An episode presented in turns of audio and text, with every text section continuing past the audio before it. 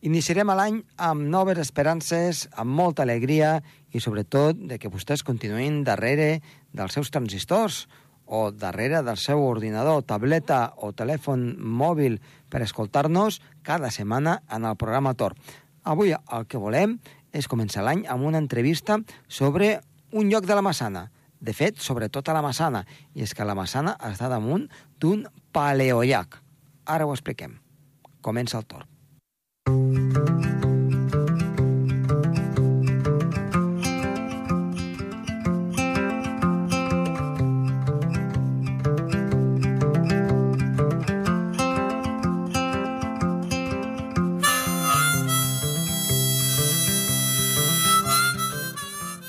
Doncs avui tenim amb nosaltres a Valentí Turú, que ens parlarà sobre aquest llac, aquest paleollac de la Massana i el que s'ha trobat darrerament en uns estudis i en una sèrie de documents presentats a diferents revistes científiques.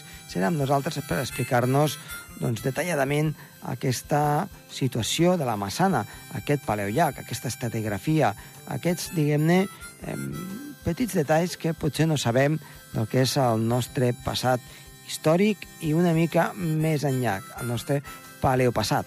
Així doncs, estarà amb nosaltres aquí Valentí Turú de la Fundació Marcel Chevalier. També els explicarem, com no, la previsió del temps per aquest cap de setmana. Som-hi!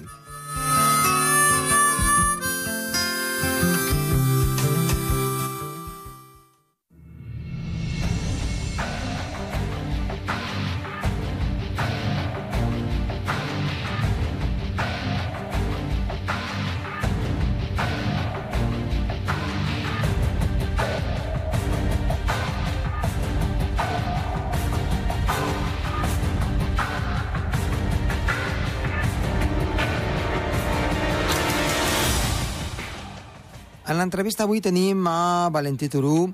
Uh, Valentí Turú és de la Fundació Marcel Chevalier i avui ens explicarà doncs, una cosa que tenim aquí a Andorra i que és molt interessant i que uh, tots vostès poden anar a veure i tocar-ho amb la mà, que això és difícil de dir uh, moltes vegades quan parlem uh, de ciència i també de meteorologia. En aquest cas anem a parlar de geologia. Valentí, bona tarda. Hola, bona tarda. Eh, avui parlarem de la Massana, per tant, la parròquia de la Massana en aquest cas està d'enhorabona, i parlarem d'un uh, un llac molt antic, un paleollac, podríem dir. Sí, efectivament.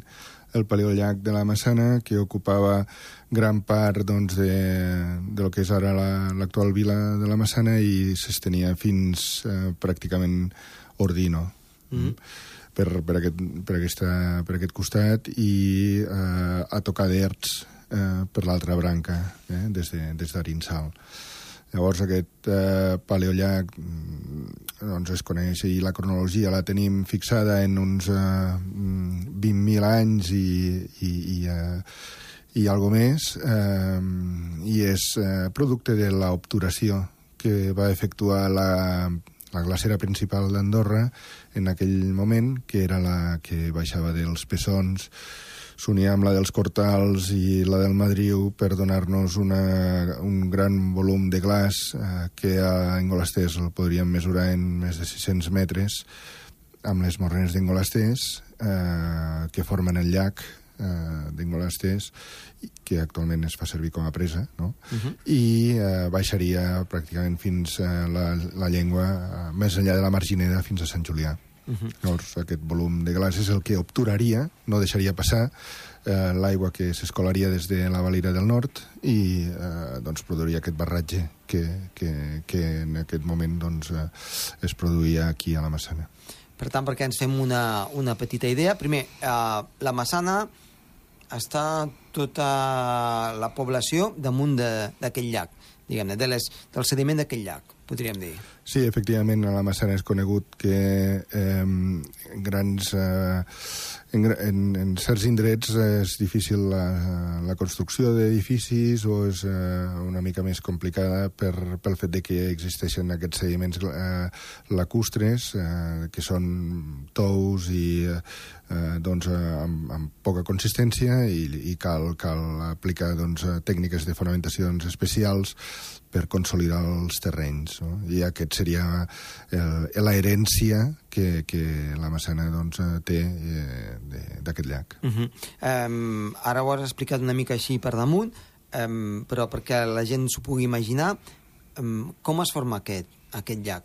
Eh, era la conjunció de dos, de dos llengües... Eh, sí, efectivament, la, la, les, eh, amb les dues valls, eh, uh -huh. tant la Valira del Nord com la Valira d'Orient, doncs eh, cada una tindria una glacera. Aquestes, en un moment donat, eh, conflueixen eh, passant doncs, els túnels de, de, de Sant Antoni de la Grella, però eh, quan, en, durant la fase de glaciació, quan es van retirant aquestes glaceres, una és més voluminosa que, la, que l'altra, perquè la seva conca també és més gran, que és la Valira d'Orient, mentre que la Valira del Nord, doncs, eh, composta per dos glaceres, una que vindria d'Arinsal i l'altra d'Ordino, mm, se separarien entre elles i cada una eh, ocuparia la seva pròpia vall. És dir, una, un front se situaria uh -huh. fins a, més o menys a, a la Cruïlla d'Erts, sí? en Pal, i l'altra estaria a les Portes d'Ordino, eh, i eh, faria incursions eh, eh, sobre aquest llac eh, en funció doncs, de, dels canvis en el clima.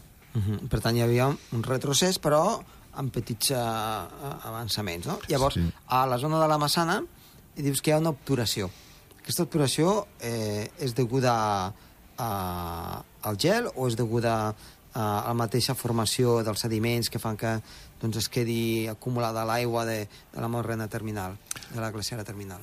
Sí, en part... Eh, el front, diguem-ne, no? Sí, sí, sí, efectivament. Eh, de fet, quan, quan hi ha aquesta obturació, la glacera, mm, si, si una mica tenim eh, al cap eh, doncs, la imatge d'en Golastès, que és 1.600 metres d'alçada, bueno, doncs, eh, l'església estaria a 1.500, però ja l'estany estaria a uns 1.600 metres, mentre que la Massana és 1.300 metres. És a dir, aquesta diferència de 300 metres fa que, mm, o feia en aquell moment, que part del glaç que tirava cap al sud, és a dir, cap a Sant Julià, entrés cap a, cap a la Massana. Per no? tant, mm, com si passés per damunt de...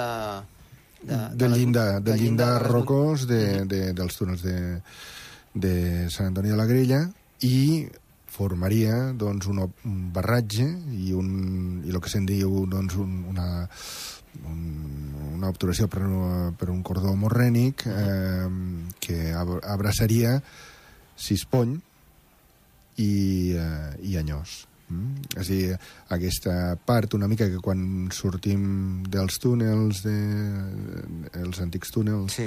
cap a la Massana, doncs eh, tenim un espai obert que hem de pujar fins eh, pràcticament a la Serra de l'Honor, que... Sí.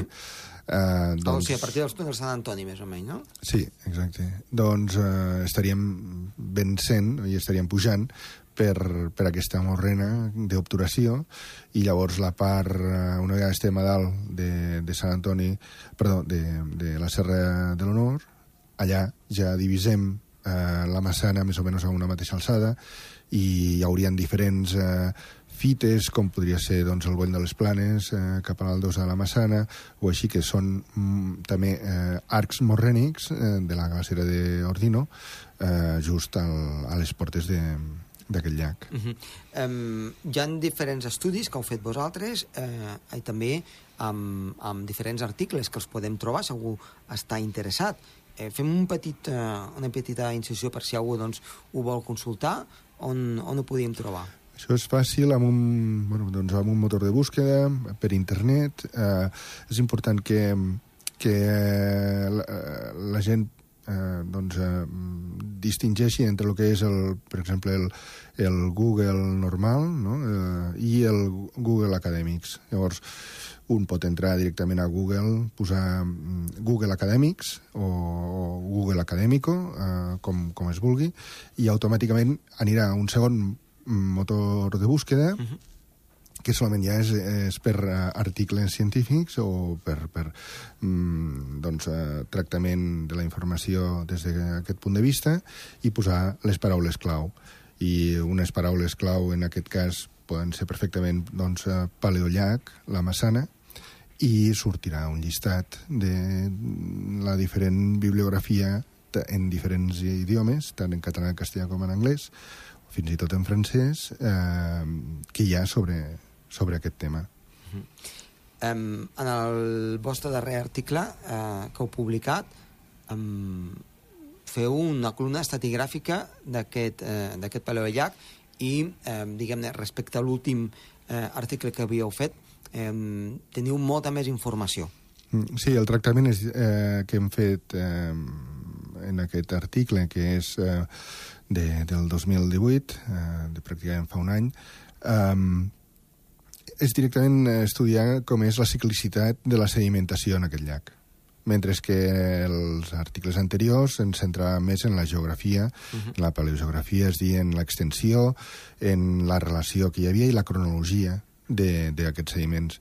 Una vegada ja tens uh, la cronologia i saps ben bé des d'on fins a quin període hi vas i amb quina, amb quina resolució dis, uh, disposes, uh, pots pots començar ja a, fer preguntes eh, ja més directes als, a, a aquest registre, i és el que fem en aquest article. Llavors, les preguntes que nosaltres estem efectuant en aquest article són mmm, cada quan podien avançar i retrocedir aquestes glaceres i si aquestes tenien aquest avenç i retrocés que queda registrat en el llac, doncs tenen a veure amb eh, canvis globals eh, en l'hemisferi nord o són eh, periodicitats que no tenen res a veure, no? i la, doncs la... Què s'ha trobat? Eh, efectivament, la, la, la, la, la importància del, de l'estudi és que sí que trobem unes freqüències compatibles a les que s'han detectat en altres indrets, eh, tant a la Mediterrània com, eh, com a l'Atlàntic Nord, eh, i que tenen a veure doncs, amb aquest canvi, amb canvis globals en el clima. Uh -huh. I què, què podem destacar doncs, de, de, de que hagi pogut passar a Andorra tant a, a nivell local com sobretot a nivell global, com ara apuntaves, no? i que està registrat amb aquesta columna estatigràfica.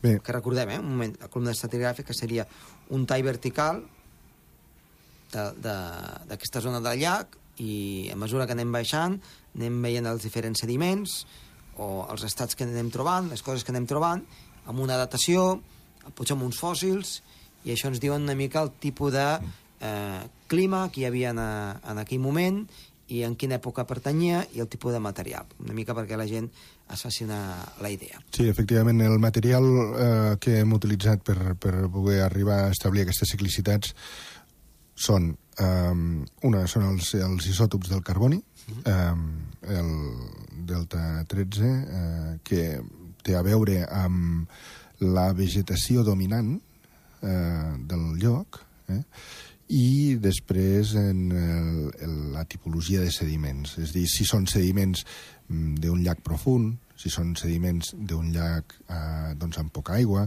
o si són sediments eh, ja d'una un, zona que l'aigua ja no és eh, permanent. No? Llavors, eh, combinar aquesta informació sedimentària amb la isotòpica eh, ens permet establir uh, aquests cicles eh, que, que identifiquen en, en aquest article que tenen a veure doncs, amb períodes on eh, hi havia eh, destrucció del, de lo que és el, la, mm, el front, el front eh, àrtic, eh, mm -hmm. és dir, la, la, tot el que és la... El casquet polar, diguem-ne, no? Sí, exacte. En moments en els quals es fragmentava, es fragmentava el, el casquet polar i baixaven doncs, eh, grans quantitats d'icebergs eh, per l'Atlàntic Nord cap a latituds eh, més, eh, més baixes de les habituals, refredant l'oceà Atlàntic i canviant el, el, el, la corrent del Golf eh, de Mèxic, eh, doncs, eh, en comptes d'arribar a les costes de Galícia i, i, eh, i Irlanda, doncs eh, quedar-se mm, relegat a una posició més meridional i, i inclús eh, solament eh, tocant a la península ibèrica. Um, aquests moments eh, els tenim registrats, són de 7.000 uh, 7 anys eh, uh -huh. de periodicitat, i es coneixen com, com Heinrich Events, no? Són eh, aquest tipus d'events, de, d'esdeveniments que, que solament doncs, passen eh, en aquest període glacial, però el que també observem és que hi ha altres cicles d'una freqüència més important, entre 4 i 5.000 anys, eh, que tindrien a veure amb canvis en la salinitat del Mediterrani. Mm? Llavors, que el, el, la imatge una mica que hauríem de tenir és eh, la d'uns, eh, doncs, una situació eh, ciclònica eh, que eh, prop de, de la costa de, de Galícia, que doncs, enviaria vents importants eh, cap al golf de Lleó, eh, i eh, aquesta situació sostinguda durant uns quants eh, centenars d'anys promou la, la variació de les corrents marines de, del, del Mediterrani occidental, de manera que eh, part de la salinitat hi ha una renovació de la salinitat i com que la salinitat eh, del Mediterrani té, eh, té una importància capdalt en el transport de la calor, eh, aquesta pot produir eh, noves tempestes en, zona, en la zona mediterrània eh, en, en el moment en què hi ha aquests canvis de salinitat. Eh? Llavors, eh, eh, les, eh, les tempestes doncs, eh, poden canviar de sobte i eh, entrar pel sud en comptes de pel nord, o fins i tot en el moment mm, que ja no hi ha aquests canvis i s'ha equilibrat, doncs períodes de sequera i, i que, no, que no hi hagi aportació d'humitat, uh -huh. i això es veu molt bé en els isòtops perquè el, el, la composició del carboni eh, tendeix en alguns moments a, a ser, mm, diguem-ne, molt positiva, que és quan eh, la vegetació es torna àrida.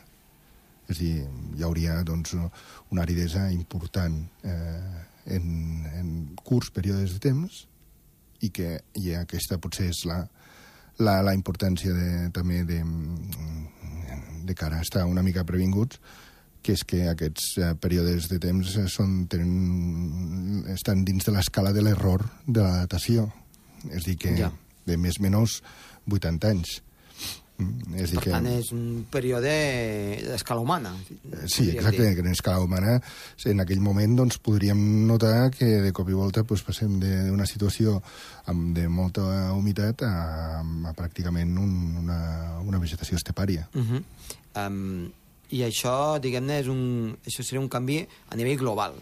Sí, això són canvis a nivells globals que tenen a veure amb els, eh, tots els sistemes eh, eh, doncs, atmosfera oceà eh, i, i mediterrani, però que no deixen de ser fins i tot eh, doncs, eh, perllongats fins a l'actualitat. Uh mhm. -huh. És a dir, a, a, nosaltres hem estudiat un període que són, on nosaltres tenim un registre sedimentari i aquest és obligatori que la, la Valia del Nord estés obturada per obtenir aquest sediment, uh mhm. -huh però també estem veient que eh, a partir d'altres registres del territori eh, aquestes ciclicitats també es transporten durant l'Holocè, és dir, passat eh, l'època glacial i en l'actual interglacial, uh -huh. amb periodicitats de 3.000 de 3.000 a 4.000 anys. Uh -huh. Això, independentment, clar, i estem parlant de que, evidentment, eh, causes antròpiques no n'hi havia en aquell moment,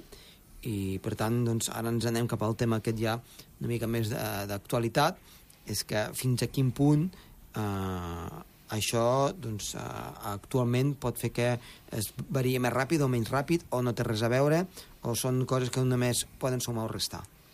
Sí, són... els efectes eh, poden eh, en un moment donat anul·lar-se, però com que tenen diferents eh, periodicitats, eh, en el moment que deixen d'estar en fase eh, o en desfase, uh -huh. doncs eh, cada un d'aquests efectes eh, es manifesta eh, amb el seu propi eh, caràcter. Ja. Val?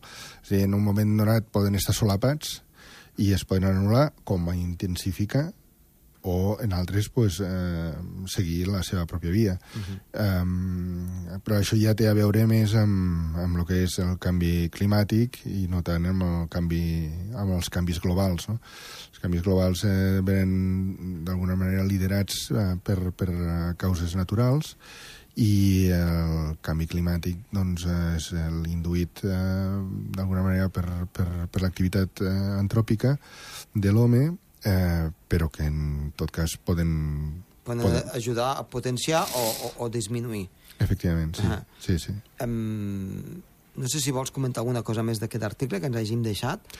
Eh, uh, bueno, sí, bàsicament, bàsicament el, la idea és que eh, les periodicitats que nosaltres estem obtenint són compatibles amb els canvis eh, doncs, eh, també d'alguna manera de, de, entre civilitzacions, no? És a dir, que, uh -huh. que, que mm, a cada període eh, històric eh, doncs, eh, hi ha hagut un, un efecte de, de canvi global que ha motivat doncs, un, un, doncs, unes estratègies eh, eh, dins de, de la manera com s'han relacionat eh, amb el medi natural o, o, o d'altres, no? O... I, I quan ha anat millor? Quan ha fet més fred o quan el, el clima ha estat més bo? Normalment quan el clima ha estat més bo. Uh -huh.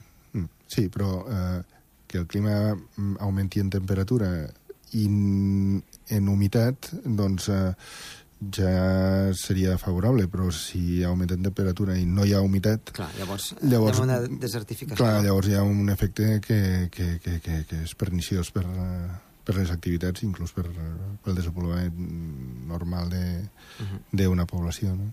Per tant, el, el, el canvi climàtic actual, eh, doncs per interferència, diguem-ne, humà, això quedarà en el registre, suposo, no? Això quedarà en el registre, sí, en els eh? llacs eh, actuals. D'aquí eh, 5.000 anys, per exemple, sí, sí. doncs ja es podrà datar el, el, el que hi havia sí, hagut. Sí, exacte. Ens, ens estudiarem una mica ja el que ens ha passat a nosaltres, sí. Molt bé, doncs, uh, Valentí, moltíssimes gràcies i t'esperem una propera vegada. Molt bé, gràcies a tu.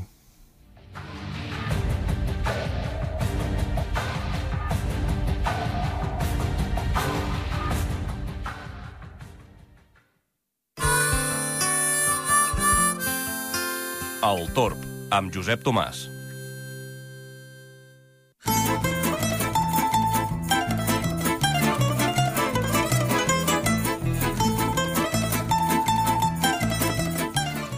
Doncs bé, perquè fa la meteorologia per aquests propers dies, per aquest llarg pont de Reis, el que esperem, doncs, eh, ses majestats arribaran amb tots els regals per tots els nens i nenes amb molta tranquil·litat meteorològica. Únicament dissabte es crea un sistema frontal que l'únic que farà és fer augmentar els núvols i entrar una mica de vents de component nord-nord-oest.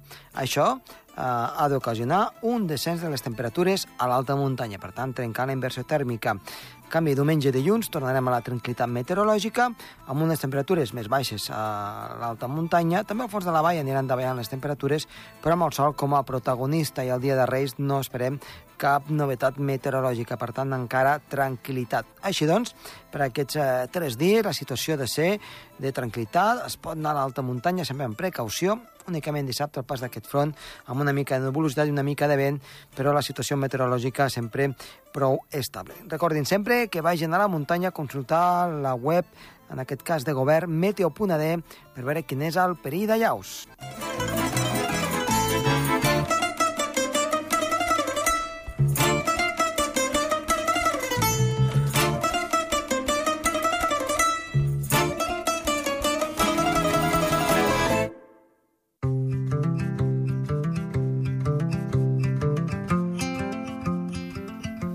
Acabem aquí el programa, esperem que els hagi agradat. Està de les vides de so, Toni Escur, i que els ha parlat de molt de gust. Josep Tomàs, adeu-siau.